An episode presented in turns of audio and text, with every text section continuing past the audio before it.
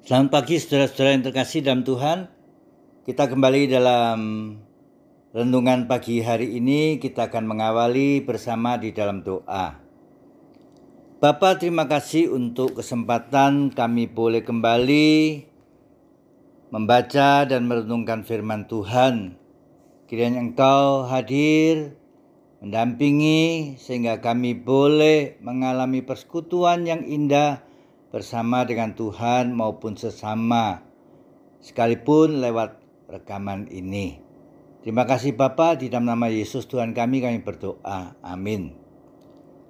Mari saudara kita bersama-sama membaca dari kitab Mika pasal yang ketujuh ayat 7 dan 8. Mika pasal yang ketujuh ayat 7 dan 8. Tetapi aku akan menunggu-nunggu Tuhan akan mengharapkan Allah yang menyelamatkan aku. Allahku akan mendengarkan aku. Janganlah bersuka cita atas aku, hai musuhku. Sekalipun aku jatuh, aku akan bangun pula. Sekalipun aku duduk dalam gelap, Tuhan akan menjadi terangku. Saudara-saudara yang terkasih dalam Tuhan, tema kita berbicara tentang pengharapan baru. Pengharapan adalah sebuah keyakinan akan apa yang diharapkan atau alasan untuk berharap atau hasrat untuk mendapatkan.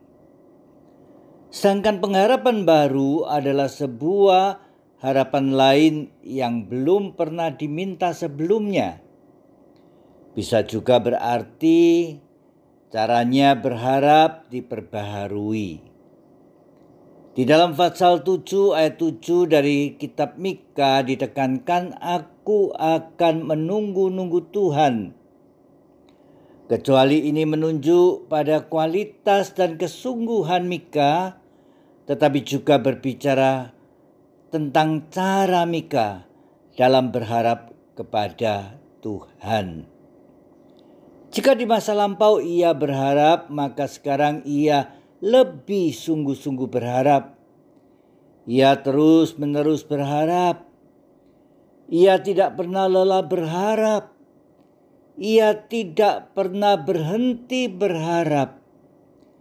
Mika terus berharap sampai Allah menyelamatkan umatnya. Mika sungguh yakin dan percaya bahwa Allah akan mendengar dan menjawab pengharapannya. Lewat pengharapan yang baru, semangat Mika dibangun kembali. Seperti apa yang dikatakan oleh Paulus dalam Roma pasal 5 ayat 5, pengharapan tidak mengecewakan karena kasih Allah telah dicurahkan di dalam hati kita oleh Roh Kudus yang telah dikaruniakan kepada kita.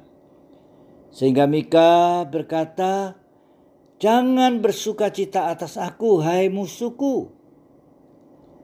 Semangat yang dibangun kembali merubah cara pandangnya, merubah keyakinannya kepada Tuhan, Sekalipun aku jatuh, aku akan bangun kembali.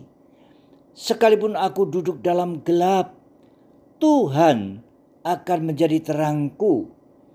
Dalam kehidupan yang penuh tantangan ini, kita perlu belajar dari Mika yang memiliki semangat yang tak pernah padam dalam menanti-nantikan pertolongan Tuhan. Kiranya Tuhan menolong kita. Amin. Mari setelah kita bersama-sama berdoa. Bapak terima kasih di tengah-tengah pandemi yang tidak kunjung berhenti ini. Kami kembali diingatkan akan pengalaman Mika menanti-nantikan pertolongan Tuhan. Bapak oleh sebab itu kami terus bermohon dan berharap Tuhan memelihara kami Tuhan menguatkan kami. Tuhan membangun kembali semangat iman kami pandangan kami tentang kasih setia Tuhan biarlah makin hari makin baik. Bapak kami ingin berdoa untuk seluruh pelayanan GKI Joyudan, baik lewat para penatua maupun para pengerja, maupun seluruh aktivis. Tuhan kau berkati dan sertai. Kami ingin berdoa untuk bencana alam di NTT, di Malang sekitar, maupun kami berdoa untuk kapal selam yang tenggelam yang belum ditemukan. Bapa engkau berkati setiap mereka yang sedang berduka. Berikan mereka kekuatan, penghiburan, dan kiranya Tuhan terus mendampingi mereka. Kami berdoa untuk kesehatan kami masing-masing. Tuhan engkau juga berkati dan sertai supaya di tengah-tengah situasi semacam ini kami tetap boleh mengandalkan Tuhan dan kami boleh menikmati kekuatan sekalipun dari hari lewat sehari. Bapa inilah doa kami, kami percayakan hanya di dalam nama Tuhan kami, Yesus Kristus. Amin.